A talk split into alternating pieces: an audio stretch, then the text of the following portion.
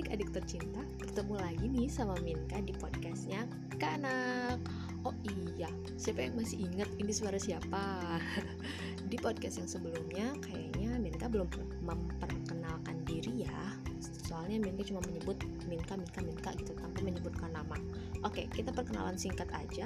Namaku Yani. Jadi, kalau ayah, bunda, dan adik-adik tercinta ini mendengar suara yang cerewet seperti ini, itu tandanya kalian sedang mendengarkan Minka Yani berbicara. Tapi sebut saja Minka ya. Cukup kalian simpan nama Yani itu dalam pikiran kalian. Iya. Yeah. Oke. Okay. Tidak perlu berbahasa-basi lagi. Kali ini Minka mau membawakan sebuah tema yang cukup menarik karena relate banget sama kondisi saat ini. Berat banget tuh ya kayaknya. penasaran? Penasaran? Penasaran? Oke, kalau penasaran, jangan ke mana-mana. Duduk yang manis, siapkan cemilan, siapkan pendengaran karena kalian akan mendengarkan sebuah tema yang pasti akan berguna untuk masa depan si kecil. Oke, langsung saja ya. Check this out.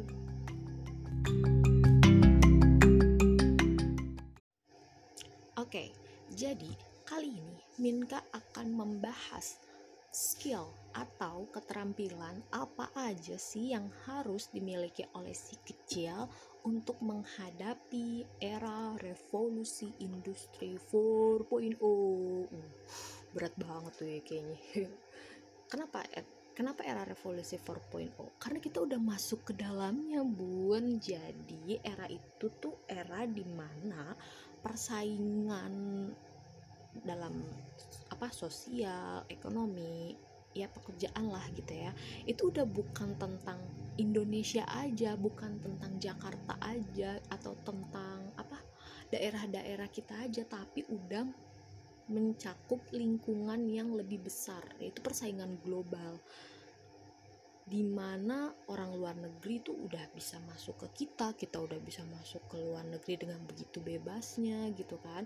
Kalau kita nggak punya skill-skill ini uh kita udah nggak akan terlihat deh bun makanya penting banget untuk kita melatih si kecil agar memiliki skill atau kemampuan ini kemampuan yang bisa membantu mereka untuk bertahan atau survive di era revolusi industri 4.0 ini. Apa aja sih kira-kira uh, keterampilan yang perlu diperkenalkan kepada si kecil? Hmm, di antaranya ada kemampuan berpikir kritis, kolaborasi, percaya diri, inovasi dan kreativitas, serta berbicara di depan halayak ramai atau public speaking. Uh, Minka jelasin satu-satu nih ya. Kenapa kemampuan berpikir kritis?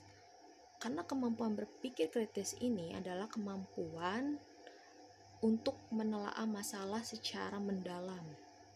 Di mana kemampuan ini tuh nantinya akan membuat si kecil bisa memecahkan masalah dasar yang dia hadapi. Jadi nggak dikit-dikit bunda dikit-dikit ayah. Ya oke okay, kalau mereka masih kecil make sense lah ya. Itu bisa bisa apa bisa masuk akal gitu kalau dia masih membutuhkan ayah dan bunda. Tapi kalau udah besar nanti kan nggak mungkin dong. Ketika lagi di kantor punya masalah tiba-tiba dia pulang nangis-nangis that's impossible gitu.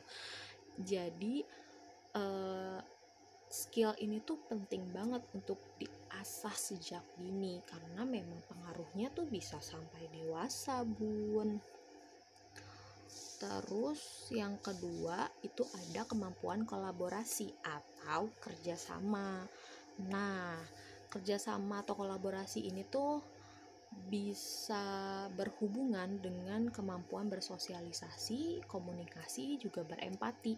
Oh, Kenapa tuh ya?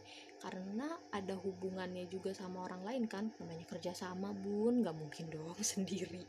Pasti ada atau melibatkan orang lain kan. Jadi that's why kenapa ada hubungannya sama bersosialisasi dan berempati juga. Yang ketiga ada percaya diri.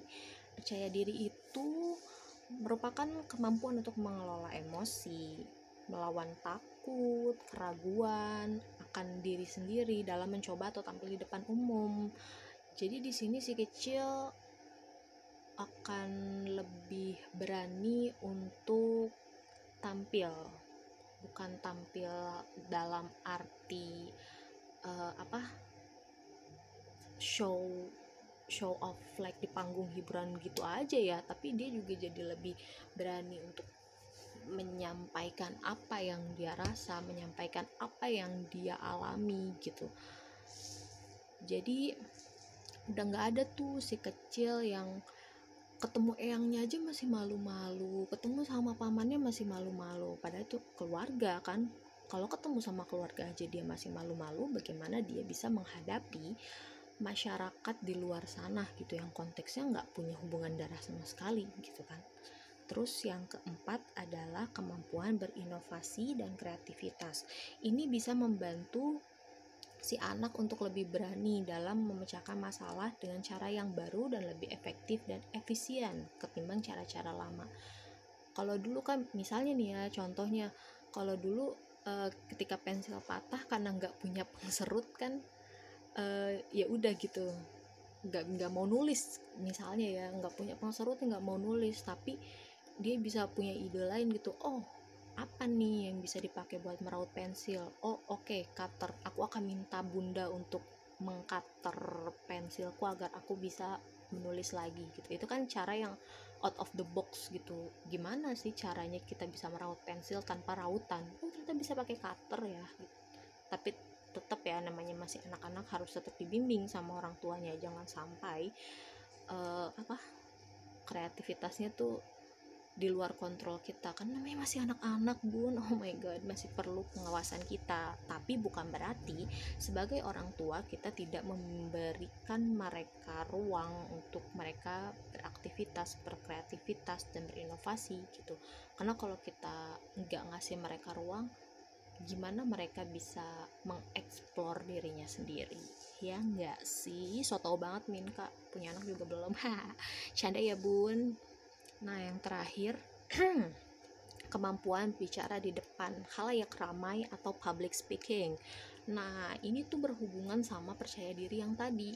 Kalau dia udah percaya diri, otomatis dia akan berani mengemukakan pendapatnya, pemikirannya, gagasan-gagasannya di hadapan orang-orang banyak minimal di hadapan bunda deh gitu kan. Banyak nih ya anak-anak yang kalau dia punya sesuatu yang dia rasa atau dia punya sesuatu yang dia inginkan dia nggak berani ngomong atau mungkin malah nangis. Kan kita nggak ngerti ya bun kalau dia nangis tuh dia maunya apa gitu. Kita tuh tidak bisa membaca pikiran anak-anak tuh tidak bisa sayang. Jadi kamu harus berbicara. Nah kemampuan ini tuh nggak lahir begitu aja bun. Tapi ada juga yang namanya dilatih jadi kita yang membiasakan kepada anak-anak untuk ayo dek kalau ada apa-apa bilang ya sama bunda. Ayo dek kalau ada apa-apa bilang ya sama ayah. Jangan hanya nangis jangan hanya dipendam. Biar ayah tahu atau biar bunda tahu apa yang kamu rasa apa yang kamu alami gitu.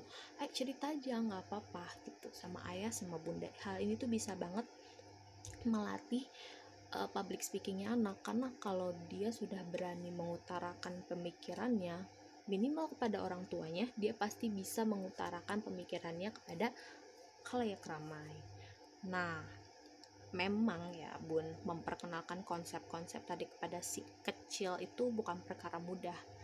Tapi enggak susah juga sih ya sebenarnya.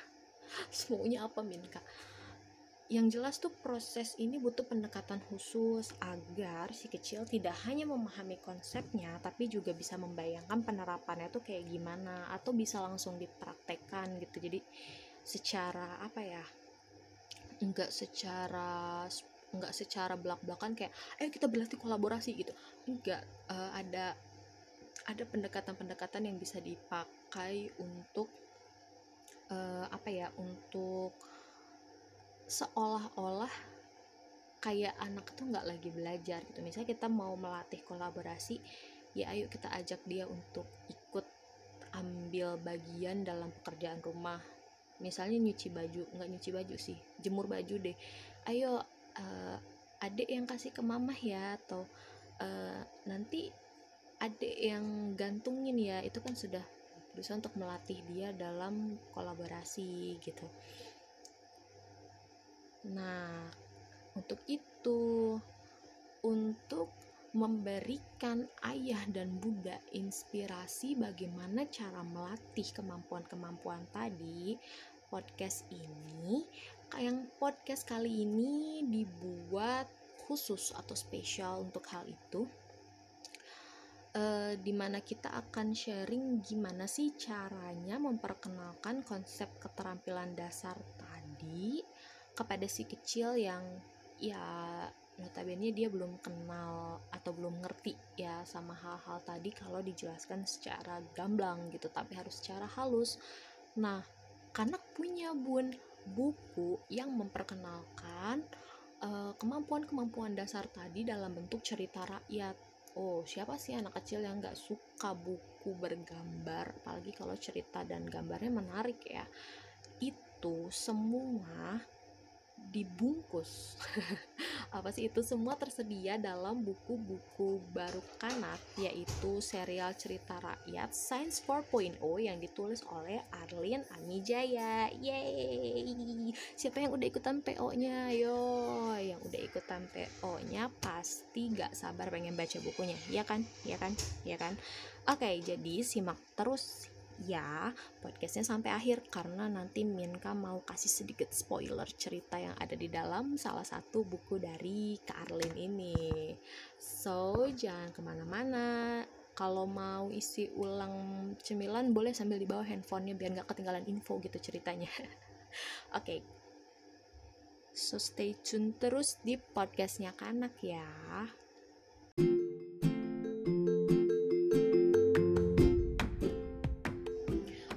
langsung masuk ke intinya.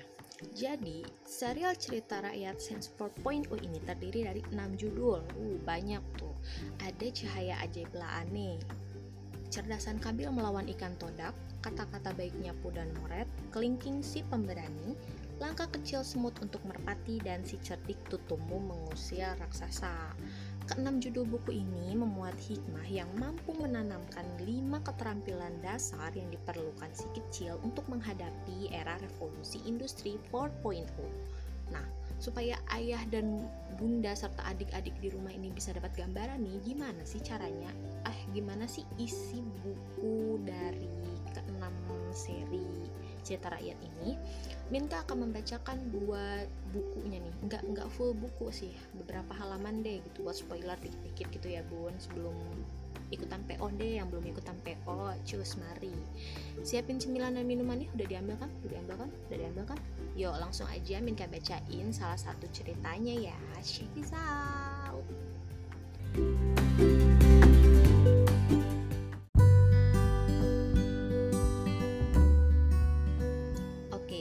cerita yang pertama, Minka akan membacakan salah satu isi dari buku Kecerdasan Kabil melawan ikan todak.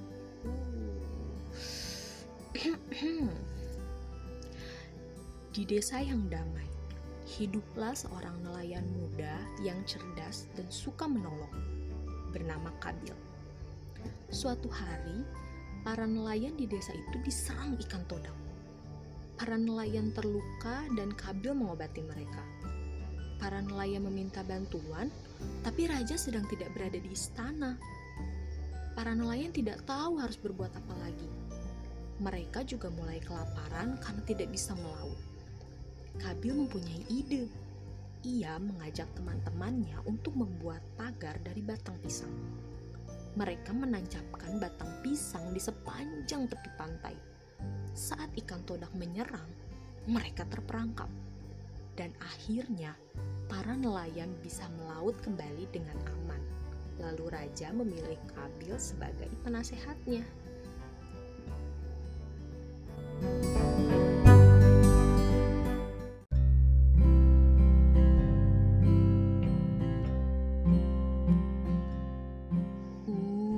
gimana gimana seru seru seru seru jadi ayah, bunda, dan adik-adik tersayang, aksi Kabil melawan ikan todak ini heroik banget ya. Setelah memberi bantuan pertama dengan mengobati warga yang terluka, Kabil langsung memikirkan cara bagaimana menyelesaikan masalah yang terjadi di desanya, yaitu musibah penyerangan ikan todak. Kabil menemukan ide dengan cara memasang pasak atau apa tadi tuh batang pisang di sepanjang pantai agar ikan todak kehilangan sasarannya lalu bosan dan mencari tempat lain untuk diganggu. Uh, gengges banget ya si ikan. Dari kisah ini tuh kita bisa belajar untuk tidak segan-segan berpartisipasi atau ikut memecahkan persoalan dengan memikirkan bagaimana solusinya secara kritis. Nah, yang tadi tuh cara berpikir kritis. Ini juga bisa dengan inovasi ya, inovasi dan kreativitas juga ada di sini dan gimana sih cara si Kabil ini memikirkan dan menyampaikan pendapatnya untuk memecahkan masalah di desa tuh cukup berani ya gitu sebagai seseorang yang masih sangat muda di kalangan para nelayan lainnya gitu. Uh, ini baru cerita pertama aja udah seru banget. Kita masuk cerita kedua ya. Ayo ayo ayo ayo.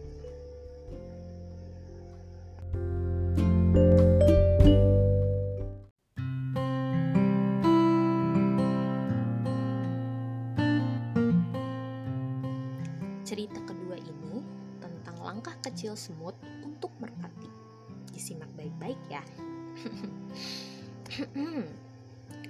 semut naik ke buah mangga yang matang dan ranum. Mangga jatuh ke sungai dan semut pun ikut tenggelam. Tolong, tolong, teriak semut. Merpati mendengar teriakan semut.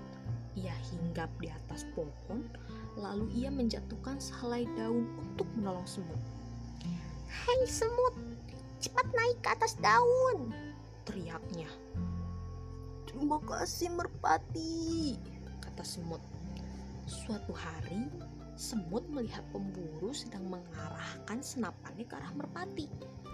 Untuk menolong merpati, semut naik ke kaki pemburu dan menggigit kakinya.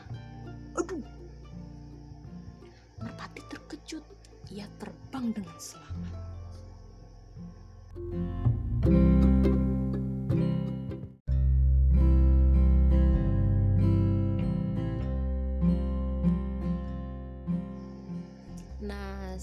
yang tahu hikmah apa yang kita bisa ambil dari cerita semut dan merpati ini? Ya, betul, kolaborasi penting bagi kita untuk menebarkan kebaikan dan tidak sungkan dalam menolong orang lain. Karena akan ada saatnya ketika kita butuh bantuan, ada pertolongan dari orang lain. Tapi jangan sampai niat kita menolong itu untuk pamrih ya adik-adik. Sama halnya dengan semut dan merpati yang saling tolong-menolong agar sama-sama berhasil terhindar dari masalah yang lebih pelik bentuk persahabatan yang indah ya. Kisah langkah kecil semut untuk merpati ini mengajarkan kepada buah hati kita agar terampil berkolaborasi supaya bisa menyelesaikan masalah bersama-sama dengan lebih efisien dan lebih efektif. Sekarang, tugas ayah bunda tinggal mengarahkan buah hati agar mereka mau mempraktekannya dalam kehidupan sehari-hari bersama saudara ataupun teman-temannya.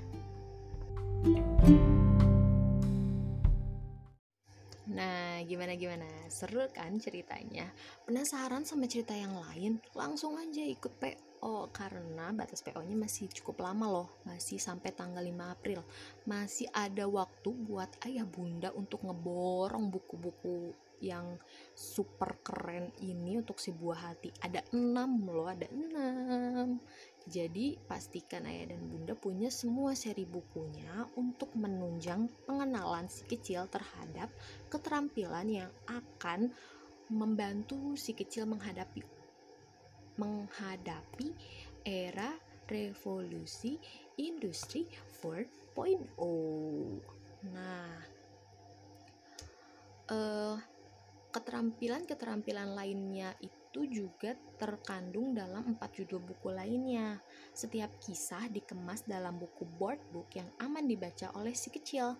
Enggak cuma itu loh bun, buku-buku ini juga berisi ilustrasi menarik di setiap akhir cerita. akan ada bagian pembahasan tentang permainan tradisional yang tentunya berbeda-beda tiap bukunya.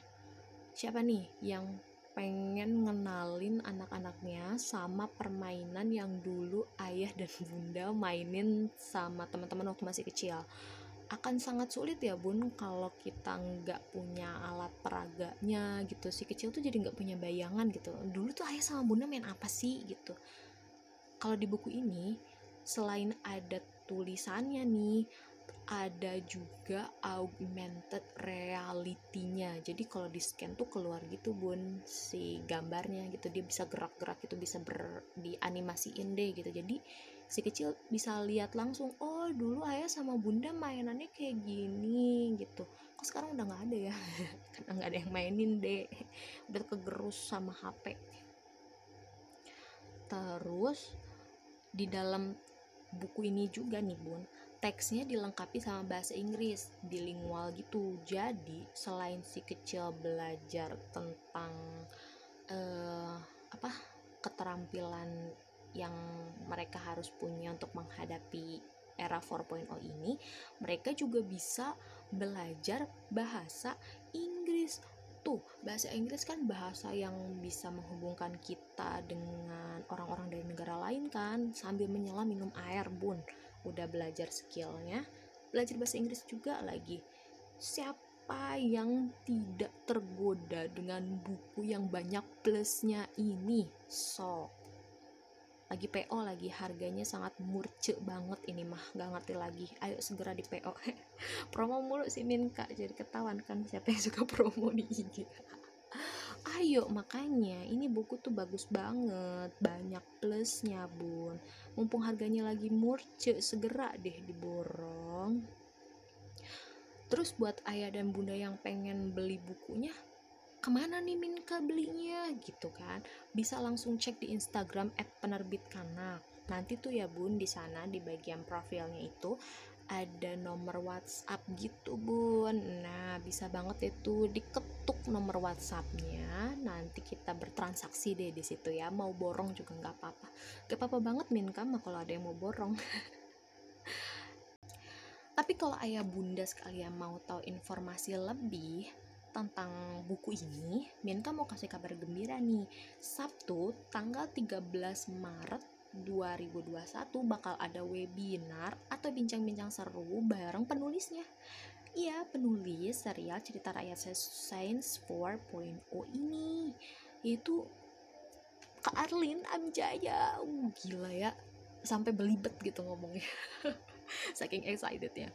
Nanti para peserta juga bisa tanya ini itu nih seputar hal-hal menarik terkait uh, terkait menanamkan nilai-nilai 4.0 itu, nilai-nilai skill 4.0 itu uh, dalam kehidupan sehari-hari melalui cerita gitu. Jadi kan pendekatannya lebih apa ya? Lebih uh, out of the box, lebih anti mainstream gitu, nggak cuma sekedar ngasih tahu tok, tapi ada caranya dengan menyelipkan kepada cerita rakyat gitu. Yang mau tahu kelanjutan tentang acara ini bisa banget uh, buka Instagram kita @penerbitkanak. Seperti tadi diketuk nomor WhatsAppnya. Nanti Minka kasih tahu gimana caranya biar bisa ikut webinar bareng Kak Arlin Amijaya jangan sampai ketinggalan ya.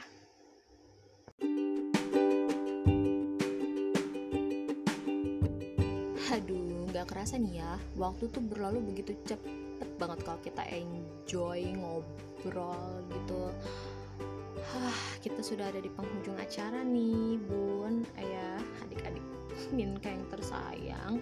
Tapi jangan kecewa ayah bunda dan adik-adik tercinta uh, podcast kanak ini akan hadir setiap Jumat pastinya dengan topik-topik lain yang gak kalah seru, menarik, informatif, dan edukatif. Jadi jangan sampai ketinggalan untuk mendengarkan podcast kanak ini. Sampai jumpa minggu depan ya. Bye. Assalamualaikum warahmatullahi wabarakatuh.